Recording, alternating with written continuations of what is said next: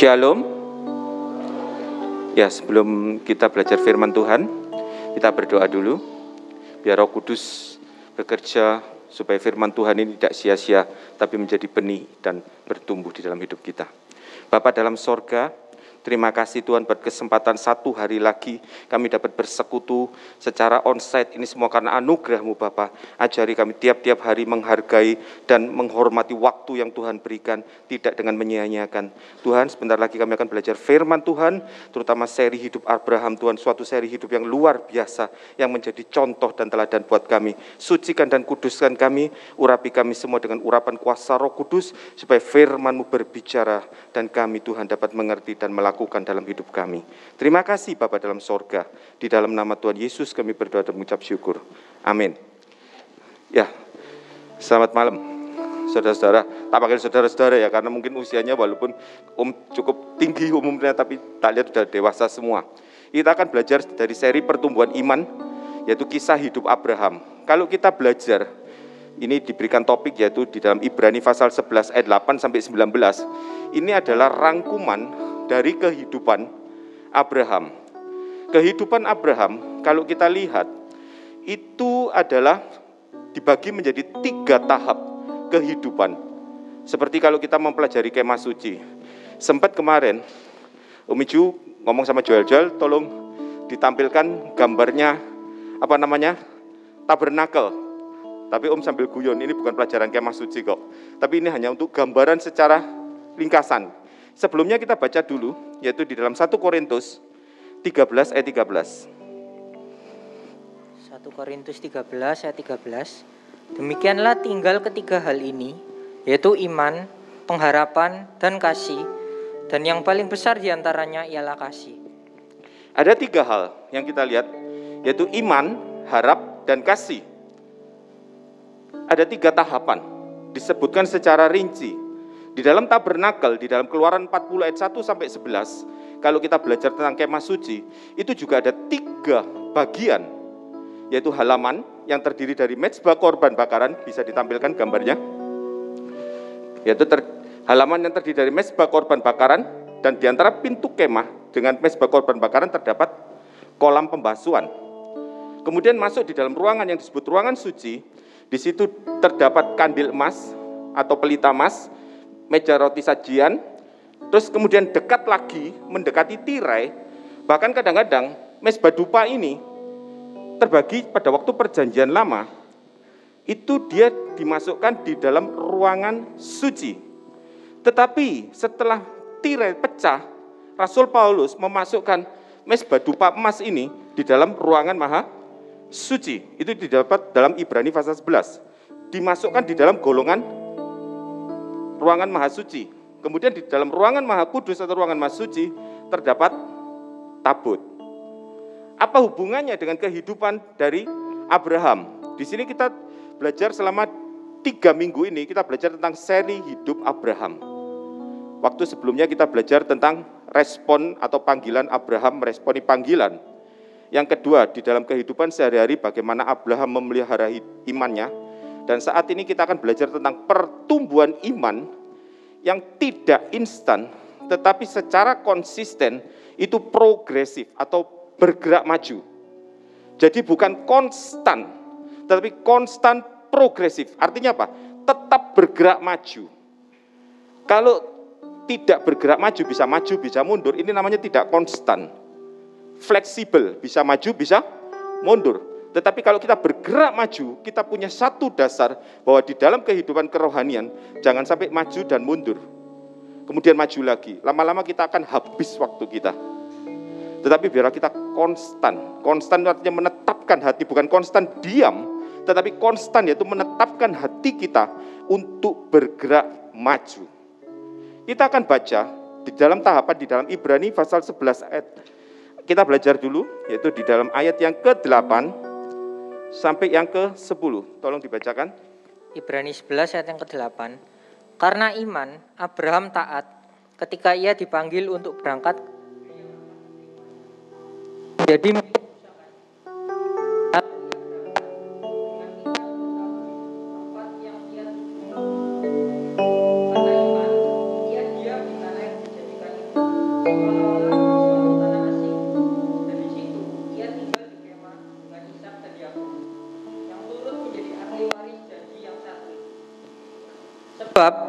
ia menanti-nantikan kota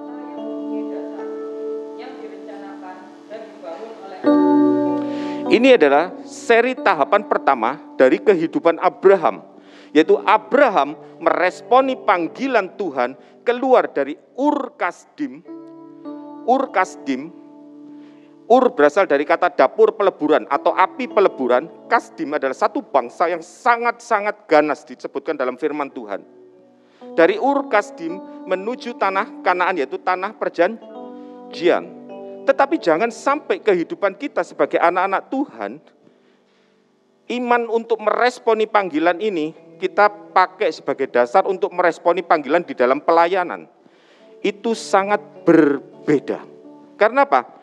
Respon panggilan yang dilakukan oleh Abraham itulah adalah respon panggilan dari kehidupan kegelapan dari Arab Mesopotamia, tempat penyembahan berhala.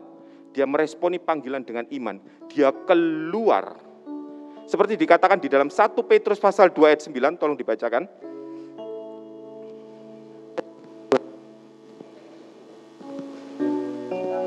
bangsa yang kudus, umat kepunyaan Allah sendiri, supaya kamu memberitakan perbuatan-perbuatan yang besar dari Dia, yang telah memanggil kamu keluar dari kegelapan kepada terangnya yang ajaib. Keluar dari gelap kepada terangnya yang ajaib. Keluar dari tanah Ur Kasdim menuju tanah Kanaan. Tetapi kalau ini kita aplikasikan sebagai panggilan pelayanan, tidak cocok. Karena orang yang sudah melayani, atau orang yang dipanggil untuk melayani, itu bukan lagi orang yang hidup di dalam kegelapan untuk meresponi panggilan Tuhan untuk keluar dari kegelapan itu. Jadi orang yang melayani Tuhan, jangan sampai ada dosa di dalam kehidupannya. Banyak kali, kadang-kadang ini Om tidak bercerita atau menjelekkan tentang yang di luar. Banyak kali di dalam pelayanan gereja-gereja, mereka karena yang melayani adalah anak-anak muda, dia sering kali berkata, tidak apa-apa, kamu di luar kehidupan masih seperti itu, tapi nanti kalau sudah masuk di dalam gereja, ini Om dengar sendiri, kamu harus kudus. Jadi kalau di luar boleh, boleh saja berbuat salah, dosa, tapi kalau di dalam gereja atau di dalam pelayanan baru dikuduskan. Lebih parah lagi, banyak sekali Om melihat teman-teman, terutama teman-teman pelayanan, bahkan hamba-hamba Tuhan, di dalam pelayanan bisa melakukan kenajisan yang lebih jahat daripada orang yang tidak melayani. Antar penatua, Om lihat sendiri, antar penatua lucu sekali. Antar penatua di dalam melayani bisa tukar pasangan. Istrinya ini silang dengan suaminya yang ini, yang ini nyeleweng dengan yang ini. Luar biasa. Di dalam pelayanan. Karena apa? Di dalam pelayanan tidak didasari dengan kekudusan. Jadi seolah-olah panggilan Abraham diaplikasikan pada panggilan pelayanan. Jangan salah. Panggilan Abraham itu adalah panggilan keluar dari kegelapan, dari Ur Kasdim menuju tanah Kanaan. Jadi iman yang pertama yaitu iman yang menghasilkan keselamatan dan kebenaran, yaitu iman yang dibenarkan, diselamatkan, keluar dari kegelapan. Om yakin dan percaya saat ini di sini tidak ada, terutama pelayan-pelayan Tuhan yang simpan dosa. Jangan sampai panggilan Abraham ini dijadikan sebagai acuan kita. Karena panggilan Abraham, sekali lagi Om tegaskan, ini adalah panggilan pertama kali kita bertobat. Jangan sampai di dalam pelayanan kita terus-menerus jatuh bangun dalam dosa, gelap menuju terang, terang menuju gelap, seperti bangsa Israel. Dari Ur Kasdim menuju tanah Kanaan, akhirnya balik lagi ke tanah Kasdim untuk ditawan. Balik. Dari kehidupan yang gelap menuju terang, balik lagi kepada kegelapan. Seringkali di dalam melayani Tuhan, Om sering kali ngomong-ngomong, ketemu sama hamba-hamba Tuhan, sama pelayan-pelayan Tuhan, sama anak-anak muda. Kalau aku terus menerus jatuh bangun di dalam dosa, gimana? Om coba jawab. Kemurahan Tuhan itu melebihi hidup. Tetapi hati-hati Kalau hidupmu sudah berada di ambang batas, seperti selalu Om kasih contoh, terutama di anak-anak sekolah minggu. Kalau kita jatuh bangun dalam dosa, jatuh misalnya di sini ini adalah batas hidup kita. Jatuh, bangun, jatuh, bangun. Habis waktu kita pas bangun. Puji Tuhan.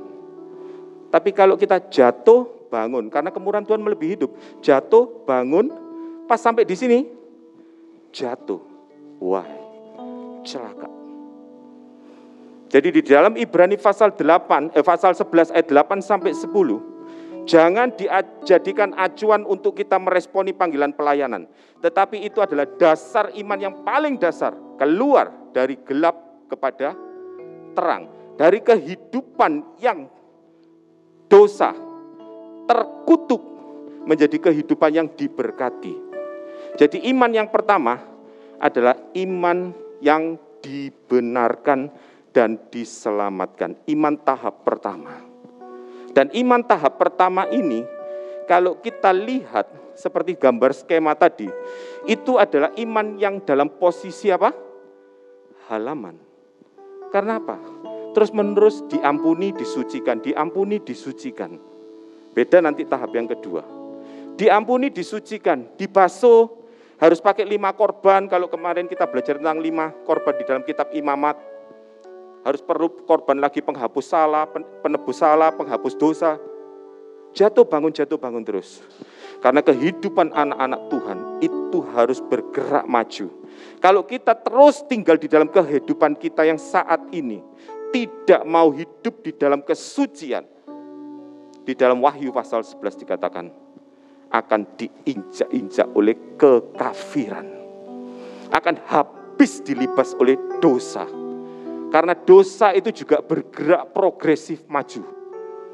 Om punya teman-teman, bahkan seperti sering kali Om katakan, Om punya teman dalam tanda kutip musuh, anggota gereja setan salah satu petingginya. Mereka bergerak sangat luar biasa. Dia berkata cuma satu tujuan kami, menghancurkan generasi Kristus. Apakah generasi Kristus tetap konstan, hanya stuck? Ataukah kita terus bergerak maju? Apakah kita hanya terus meresponi panggilan Tuhan, ayo bertobat, ayo bangun lagi, ayo jangan jatuh bangun dalam dosa. Ataukah kita bergerak maju menghasilkan suatu kesucian hidup. Banyak sekali gereja meninabuk-bukan anak-anak muda. Tidak apa-apa.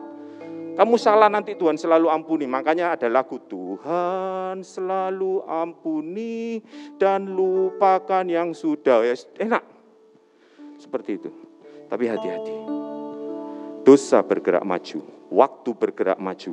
Kalau anak Tuhan tetap tinggal di dalam keadaannya, tidak mau bergerak maju, jangan sampai Wahyu pasal 11 itu menjadi bagian hidup kita.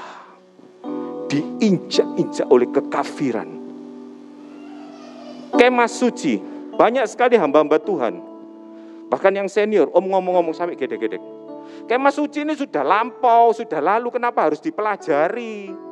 Ini sudah, aduh pelajaran yang kuno zamannya Musa. Siapa bilang?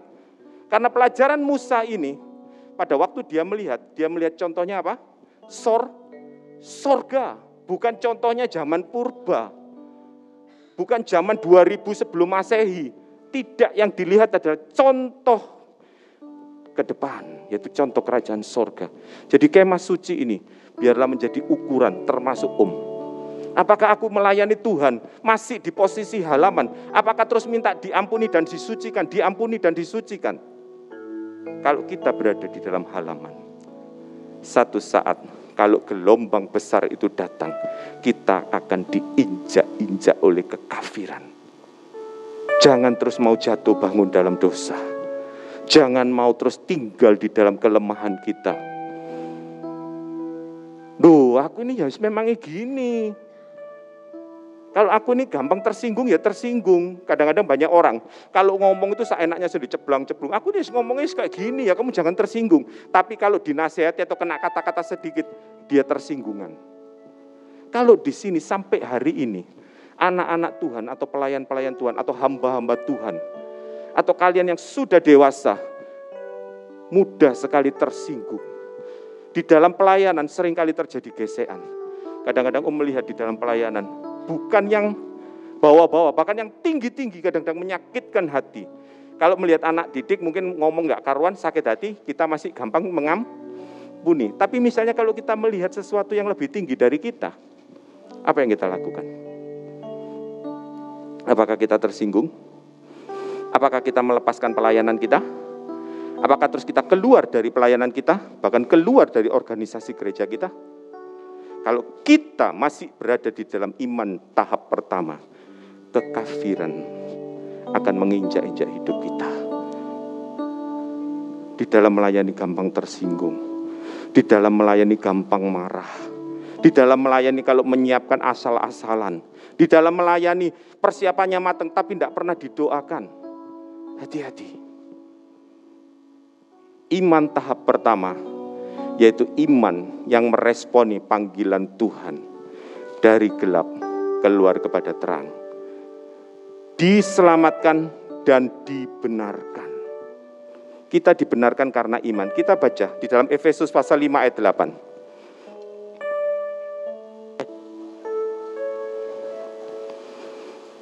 Memang dahulu kamu adalah kegelapan, tetapi sekarang kamu adalah terang di dalam Tuhan. Sebab itu, hiduplah sebagai anak-anak terang. Hiduplah sebagai anak-anak terang. Kadang-kadang ayat meresponi panggilan Tuhan bisa dipakai sebagai alasan kita untuk berbuat salah. Oh Abraham kan juga keluar dari Ur Kasdim. Dipresponi panggilannya akhirnya keluar. Aku kan juga, namanya manusia kan penuh kelemahan. Betul? Manusia itu penuh kelemahan. Manusia itu penuh dengan dosa Manusia itu tidak mampu, tapi itu adalah manusia yang di luar Kristus. Orang yang di dalam Kristus itu ciptaan yang baru 2 Korintus 5 ayat 17. Tetapi berapa banyak dari kita termasuk Om sendiri menjadi ciptaan yang benar-benar baru ataukah cuma baru-baruan atau cuma direnovasi saja. Bukan dibongkar total, tetapi direnov jadi kelihatannya indah. Tetapi yang rusak dasar-dasar yang rusak tetap rapuh. Satu saat dunia akan mengalami satu gelombang besar yang luar biasa. Om selalu katakan juga di dunia bisnis, di dunia usaha satu saat dan sebentar lagi saat itu akan tiba. Gelombang besar kesukaran akan datang melanda seluruh dunia dan sebentar lagi itu akan terjadi. Kalau anak-anak Tuhan tetap tinggal di dalam iman tingkat pertamanya Abraham, cuma meresponi terus panggilan Tuhan, tetapi tidak bergerak maju, dia akan habis. Dia akan habis, imannya akan runtuh. Kesukaran itu luar biasa dahsyat. Jangan sampai dosa menghancurkan hidup kita.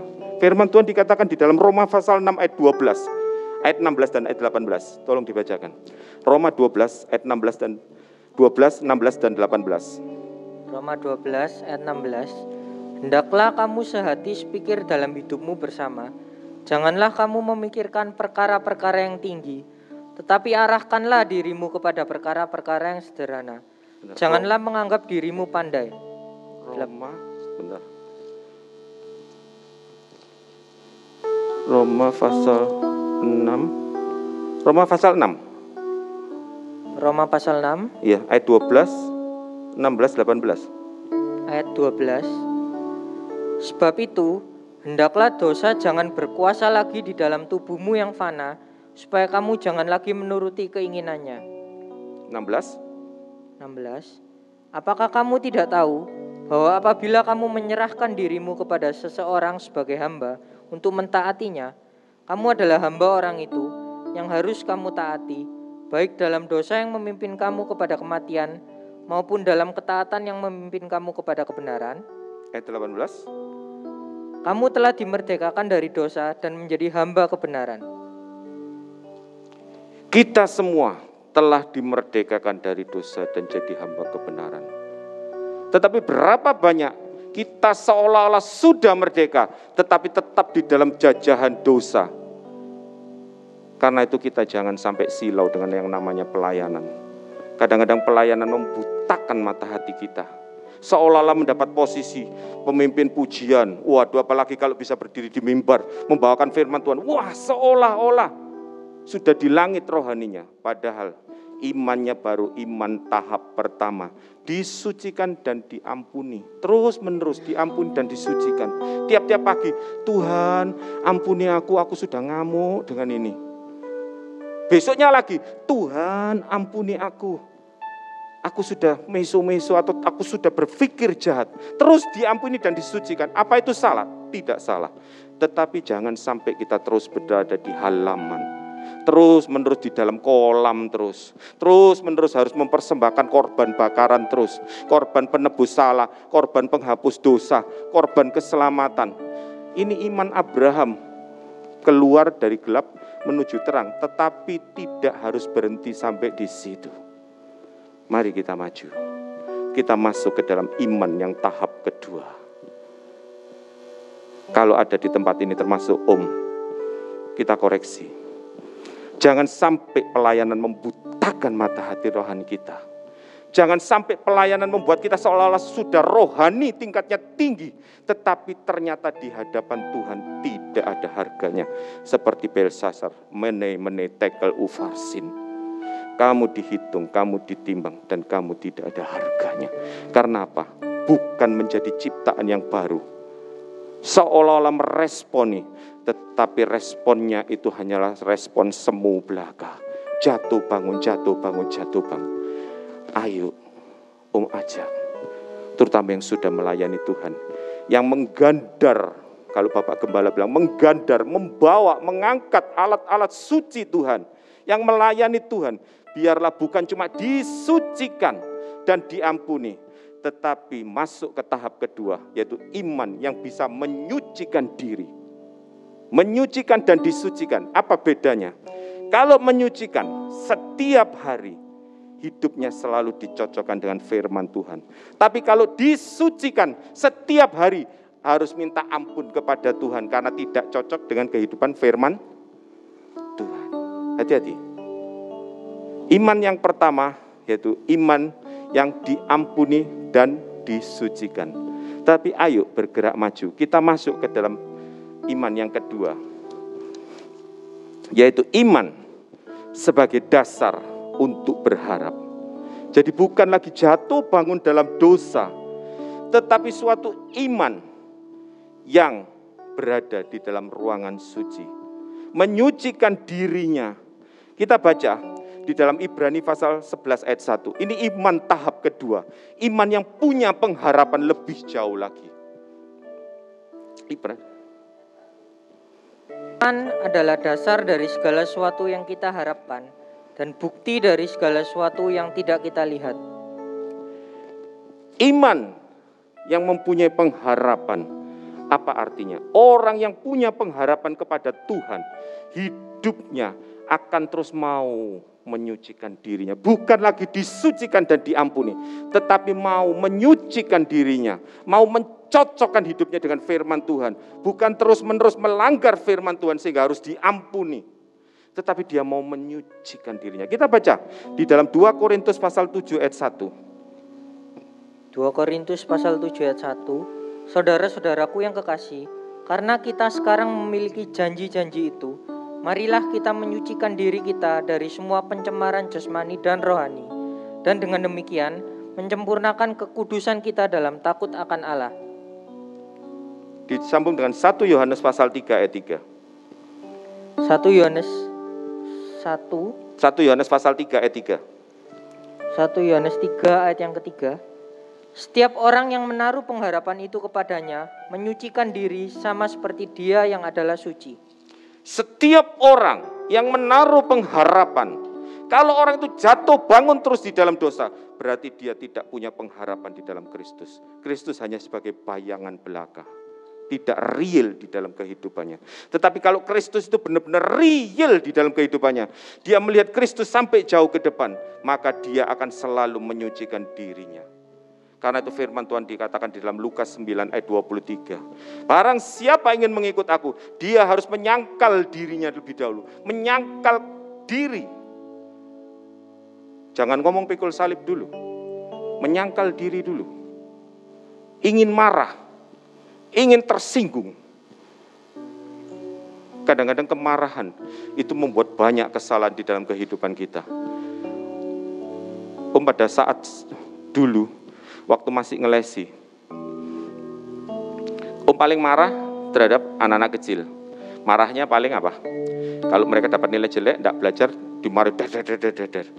Setelah Tuhan berkati satu perusahaan, tidak bisa dengan mudah marah kepada orang lain.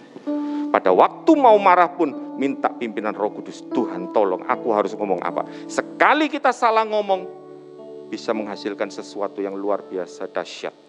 Sekali kita salah berucap akan bisa menimbulkan demo yang besar. Karena itu belajar sebagai anak-anak Tuhan. Kalau kita benar-benar pengharapan kita di dalam Kristus, kita yakin kita punya pengharapan di dalam Kristus, bukan cuma di dalam dunia ini saja. Firman Tuhan dikatakan di dalam 1 Korintus 15 ayat 19. Ayat ini sering kali Om ulang-ulang. Karena apa? Karena banyak di antara kita termasuk Om sendiri. Kita berharap pada Tuhan hanya untuk hal-hal jasmani. Apa enggak boleh? Boleh-boleh saja.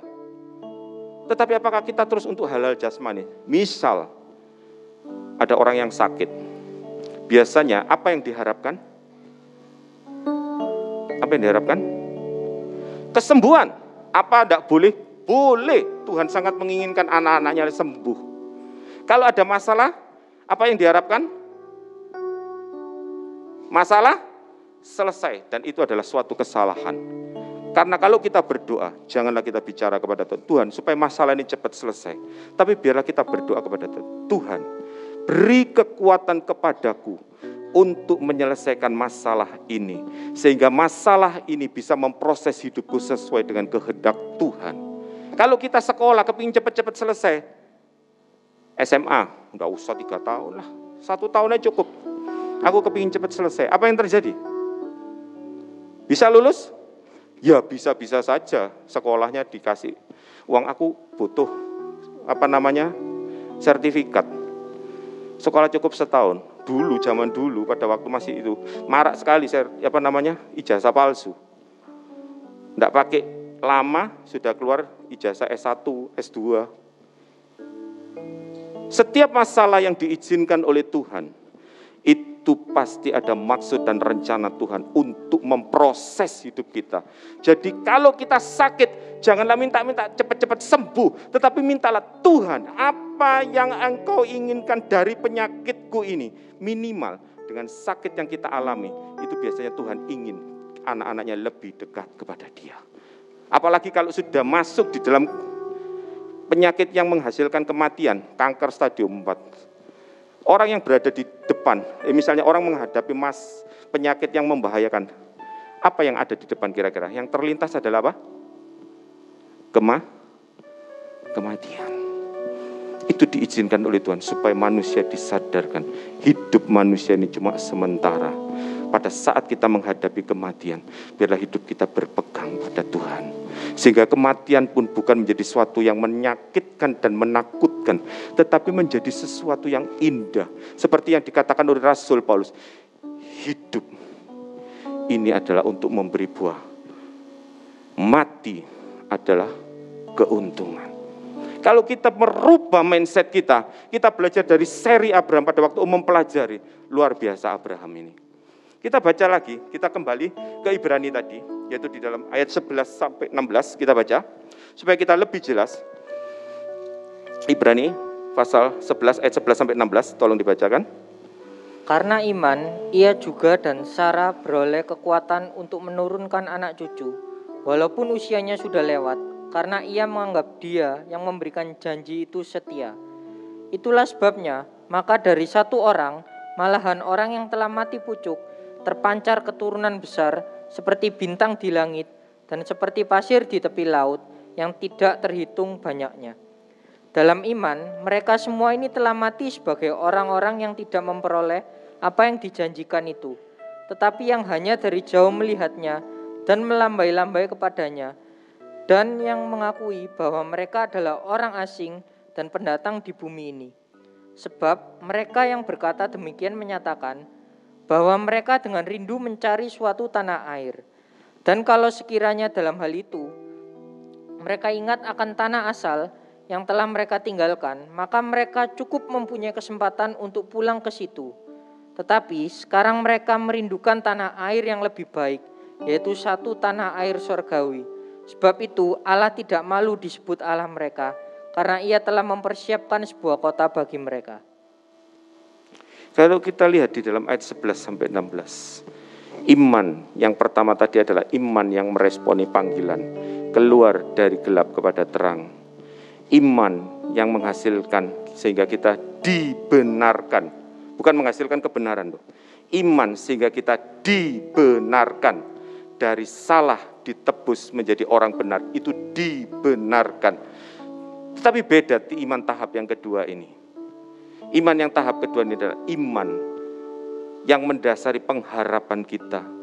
Pengharapan yang bukan di dunia ini, tetapi pengharapan sampai kepada kekekalan, sehingga pada waktu mengalami segala sesuatu, pengharapan kita tetap tertuju kepada Kristus. Banyak orang takut, kadang-kadang dulu Om juga takut nyanyikan apa pun yang terjadi. Oh, jangan garai Tuhan nyanyi apa pun yang terjadi Tuhan itu bukan Bapak yang jahat. Oh kamu nantang aku ya nak, nyanyi apa pun yang terjadi, tak kasih sungguhan yang terjadi. Bingung kamu nanti, enggak gitu. Kalau Tuhan izinkan sesuatu dan sampai hari ini masalah itu belum selesai. Karena masalah itu belum selesai memproses hidupmu sesuai dengan kehendak Tuhan. Kalau sakit yang kita doakan ini belum mewujudkan mujizat, karena penyakit ini ingin Tuhan jadikan supaya kita makin dan makin dan makin dekat kepada Tuhan. Supaya pikiran kita bukan cuma dunia, bukan cuma kesembuhan, bukan cuma diberkati, tetapi pikiran kita kita arahkan kepada tanah sorgawi, yaitu pengharapan kita pengharapan yang kita labuhkan sampai ke seberang. Mulai sekarang, ubah cara pikir kita. Di dalam melayani, ingat, di dalam melayani bukan meresponi panggilan Tuhan dari gelap kepada terang. Tetapi di dalam melayani ada satu pengharapan. Satu saat, kalau hidupku sudah memberi buah, mati adalah keuntungan. Kalaupun diizinkan oleh Tuhan, kita akan diubahkan dalam sekejap. Itu suatu proyek yang luar biasa. Om kadang-kadang mana mungkin Tuhan. Aku masuk di dalam proyek kesempurnaan itu. Tidak masuk akal, tidak mungkin. Tetapi orang yang punya pengharapan untuk bisa masuk ke dalam proyek besar Allah itu. Dia akan terus berjalan menyucikan dirinya terus menyucikan dirinya, bukan disucikan dan diampuni terus-menerus, tetapi mau hidupnya mencocokkan diri dengan kehendak Tuhan, menyucikan dirinya. Seperti tadi dikatakan di dalam satu Korintus tadi, yaitu menyucikan diri. Kita baca di dalam satu Yohanes pasal 3 ayat 3 tadi, tolong dibacakan. Satu Yohanes 3 ayat 3 setiap orang yang menaruh pengharapan itu kepadanya menyucikan diri sama seperti dia yang adalah suci. Orang yang menaruh pengharapannya kepada Tuhan, dia terus menerus akan menyucikan diri. Di dalam melayani Tuhan, kadang-kadang di dalam, bukan kadang-kadang, sering kali di dalam melayani Tuhan, tidak sesuai dengan apa yang kita harapkan dan sering kali menyakiti hati kita. Om di dalam pelayanan sering kali mendapat sesuatu yang menyakitkan hati apa yang Om lakukan? Bukan terus gondok. Us pindah di sini, aku nih di sini pasti lebih jadi sesuatu. Jadi sesuatu apa? Sesuatu menurut manusia. Tetapi kalau Tuhan izinkan kita berada di suatu tempat ini dan mengalami proses yang tidak enak, itu artinya Tuhan ingin mengolah kita. Ingin membuat kita menjadi indah karena itu orang yang punya pengharapan kepada Kristus, dia akan apa? Menyucikan dirinya. Bukan terus-menerus disucikan dan diampuni. Karena itu, kalau kita lihat di dalam Ibrani tadi, Ibrani yang pasal yang ke-11 tadi,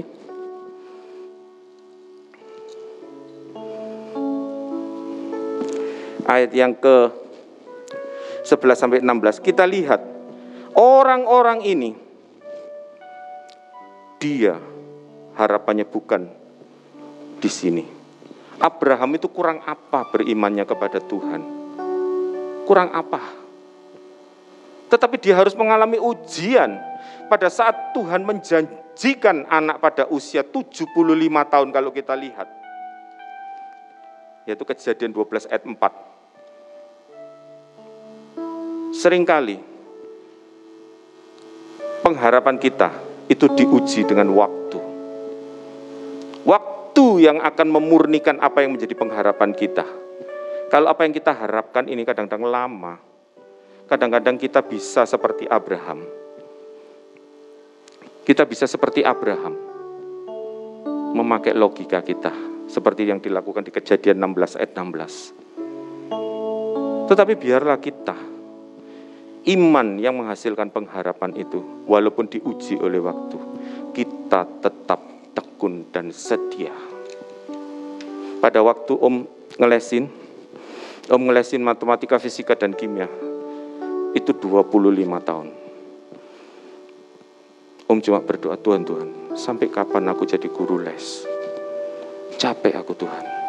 Kenapa kok capek? Kadang-kadang kalau ngeles itu jam 12 sampai jam 1 malam, kadang-kadang muridnya Om itu kadang-kadang sampai jam 2 pagi, jam 3 pagi. Itu enak kalau musim kemarau. Kalau musim hujan dan di daerah Duku Kupang, apa yang terjadi? bukan Om Ijo yang naik sepeda motor, tapi naik sepeda, sepeda motor yang tak tuntun.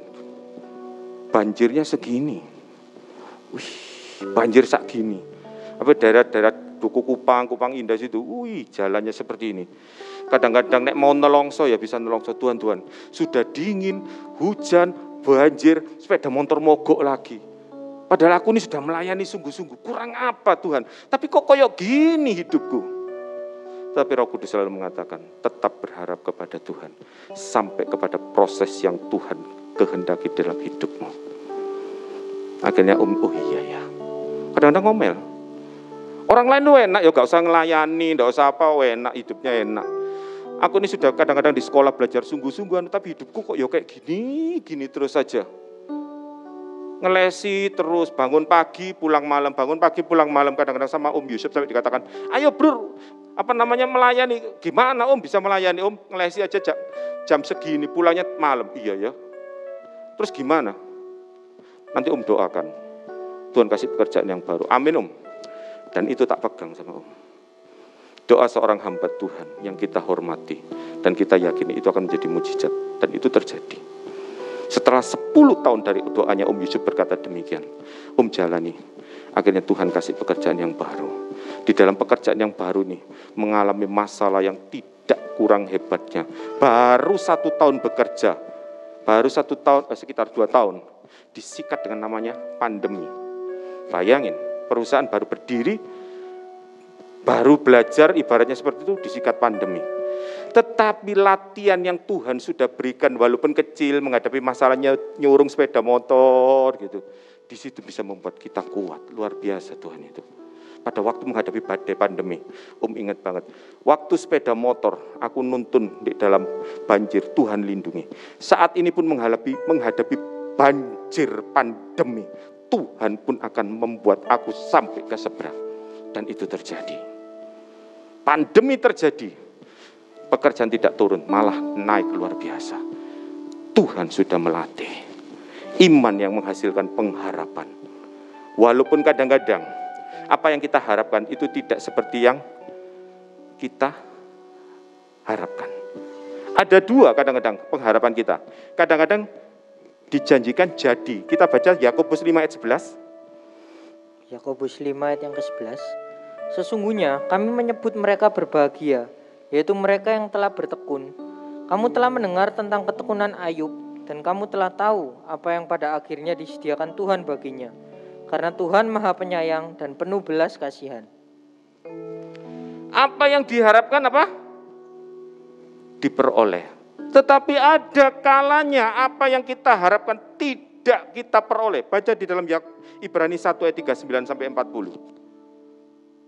Ibrani 1 ayat 39 sampai 4 eh, Ibrani 11 sorry. Ibrani 11 ayat 39 sampai 40.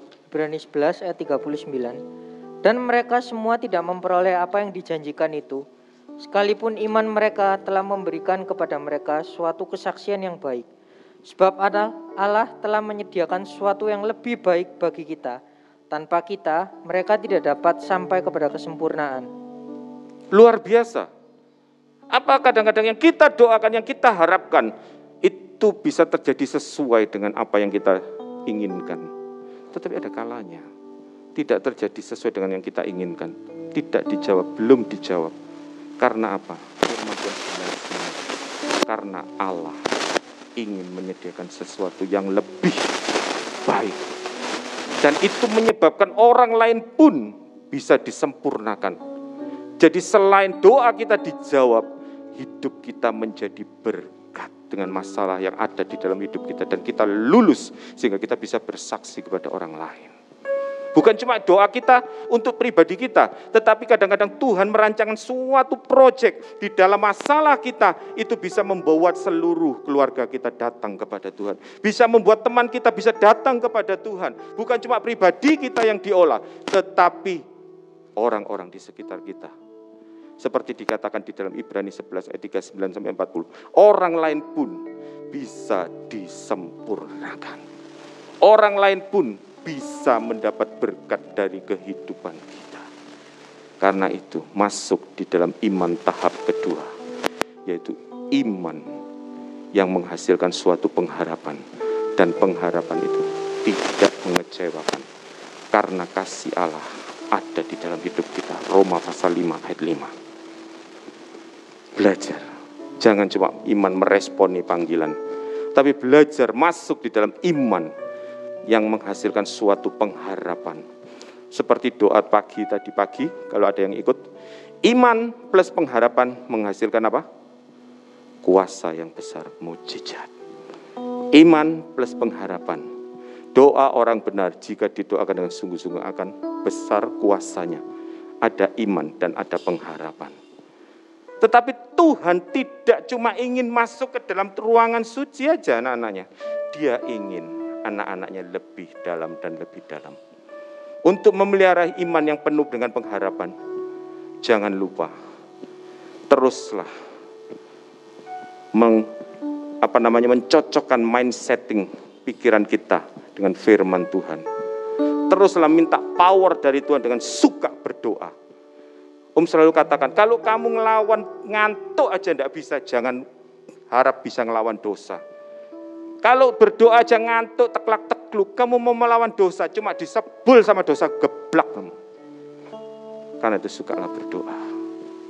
Om ajak, di dalam Yesaya 26 ayat 20, Hai umatku, masuklah sejenak dalam kamarmu berdoa sampai hukuman itu lewat.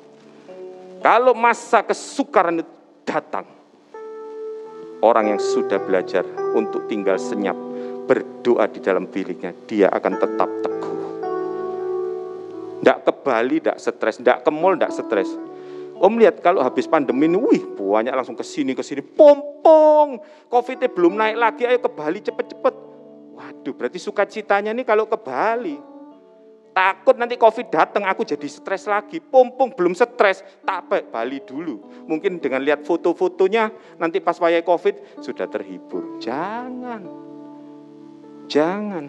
Itu namanya aji mumpung, mumpung covid belum datang. Kalau bisa, ada ndak ada COVID, tetap bisa duduk diam dalam sejahtera Allah. Berharap kepada yang tidak kelihatan. Pengharapannya dilabuhkan sampai ke seberang, bahkan di balik tabir. Tapi Tuhan tidak kepingin cuma sampai di situ. Tuhan rindukan hidup kita bersinar seperti pelita dan terus masuk sampai tembus ke belakang tirai masuk iman yang tingkat tertinggi. Kita lihat yaitu iman yang diuji. Dilanjutkan iman tingkat tahap tiga. Di dalam Ibrani 11 ayat 17 sampai 19 tolong dibacakan. Ibrani 11. Lanjut, dilanjutkan slide-nya. Ayat 17. Karena iman. Terus. Ya, dilanjutkan iman tahap tiga. Ya, oke. Okay. Karena iman, maka Abraham tatkala ia dicobai mempersembahkan Ishak, ia yang telah menerima janji itu rela mempersembahkan anaknya yang tunggal. Walaupun kepadanya telah dikatakan, keturunan yang berasal dari Ishaklah yang akan disebut keturunanmu. Karena ia berpikir bahwa Allah berkuasa membangkitkan orang-orang sekalipun dari antara orang mati. Dan dari sana ia seakan-akan telah menerimanya kembali. Dilanjutkan Roma 4 ayat 17. Roma 4 ayat yang ke-17. Seperti ada tertulis, Engkau telah kutetapkan menjadi bapa banyak bangsa di hadapan Allah yang kepadanya ia percaya, yaitu Allah yang menghidupkan orang mati dan yang menjadikan dengan firman-Nya apa yang tidak ada menjadi ada. Banyak orang kadang-kadang berpikir pada waktu perjalanan Abraham menuju tanah Moria untuk mempersembahkan Isa. Apa yang diimani oleh Abraham? bahwa Allah yang akan menyediakan. Oh ini ayatnya ada ini loh. Di atas gunung ini akan disebut Tuhan akan menyediakan. Apakah itu yang diimani oleh Abraham? Apakah Tuhan akan menyediakan? Tidak.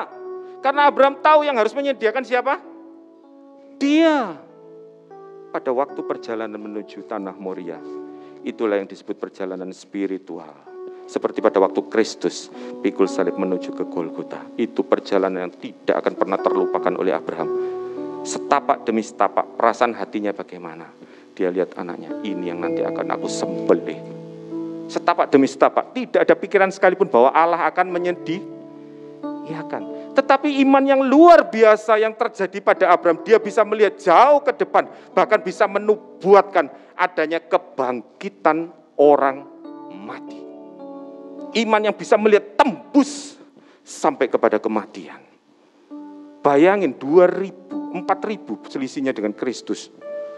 Tapi dia bisa menubuatkan tentang adanya kebangkitan dari antara orang mati. Roma 4 ayat 17, apa Ibrani 11 ayat 19. Dikatakan dengan jelas apa yang diimani oleh Abraham. Dia percaya walaupun anakku mati sekalipun dia sanggup untuk membangkitkan. Seperti yang dikatakan oleh Tuhan kepada Marta. Marta, Marta, percayalah, akulah jalan kebenaran dan hidup. Orang yang sudah mati pun akan bisa bangkit. Marta berdebat. Kadang-kadang teologi kita sering kali membuat kita berdebat dengan Tuhan. Seringkali ilmu apa namanya Alkitab kita sering membuat kita berdebat dengan Tuhan. Tetapi beda dengan Maria seperti yang disampaikan oleh Kok Sifang. Dia tidak banyak berdebat dia percaya. Seperti Abraham, dia tidak banyak berdebat, tetapi langkah demi langkah membuat dia makin mantap. Bahkan sampai pisau yang akan disabetkan ibaratnya dipotongkan ke leher anaknya. Apakah Abraham apa namanya dengan ragu-ragu mau memotong gini? Ataukah Abraham dengan sungguh-sungguh mau memotong? Apa yang kira-kira menurut saudara-saudara apa yang dilakukan Abraham? Dia sungguh-sungguh mau motong atau dia cuma pura-pura. Apa yang dilakukan? Dia sungguh-sungguh sampai malaikat Allah harus berteriak, stop Abraham. Dia tidak ragu dengan apa yang Tuhan firmankan, walaupun itu menyakiti hatinya, menyakiti perasaannya, menyakiti masa depannya. Ishak itu masa depannya Abraham. Bayangin, dia tanpa ragu membuang masa depannya karena dia yakin Allah sanggup membangkitkan dari kematian. Saat ini siapa pun yang menghadapi kematian, baik di dalam usaha, baik di dalam penyakit, baik di dalam masa depan, yakinlah, punyalah iman seperti Abraham. Dia sanggup membangkitkan dari antara orang mati. Biar iman kita belajar seri iman Abraham ini pada waktu Om baca luar biasa. Manusia zaman kuno, manusia zaman dulu, tapi dia bisa melihat tembus ke depan. Walaupun anak ini kukorbankan mati sekalipun Allah sanggup untuk membangkitkan. Mari kita belajar dari sejak muda. Om juga belajar dari iman Abraham ini Walaupun kenyataan di depan seolah-olah kematian sekalipun seperti Sadrak Mesa Abednego waktu menghadapi dapur api. Sekalipun Allah tidak menolongku, aku tidak menyembah patung dewa Tuanku. Sekalipun seolah-olah Tuhan tidak menolong aku, aku akan tetap bersyukur. Itu yang dinamakan memikul salib. Beda dengan tadi, menyangkal diri, melawan hawa nafsu yang ada di dalam hidup kita. Tetapi kalau memikul salib adalah mau berkorban karena kasih kita kepada Kristus untuk taat kepada firman Tuhan. Bahkan sekalipun itu di dalam lembah bayang-bayang maut. Iman Abraham luar biasa. Biarlah malam hari ini kita belajar dari seri hidup Abraham.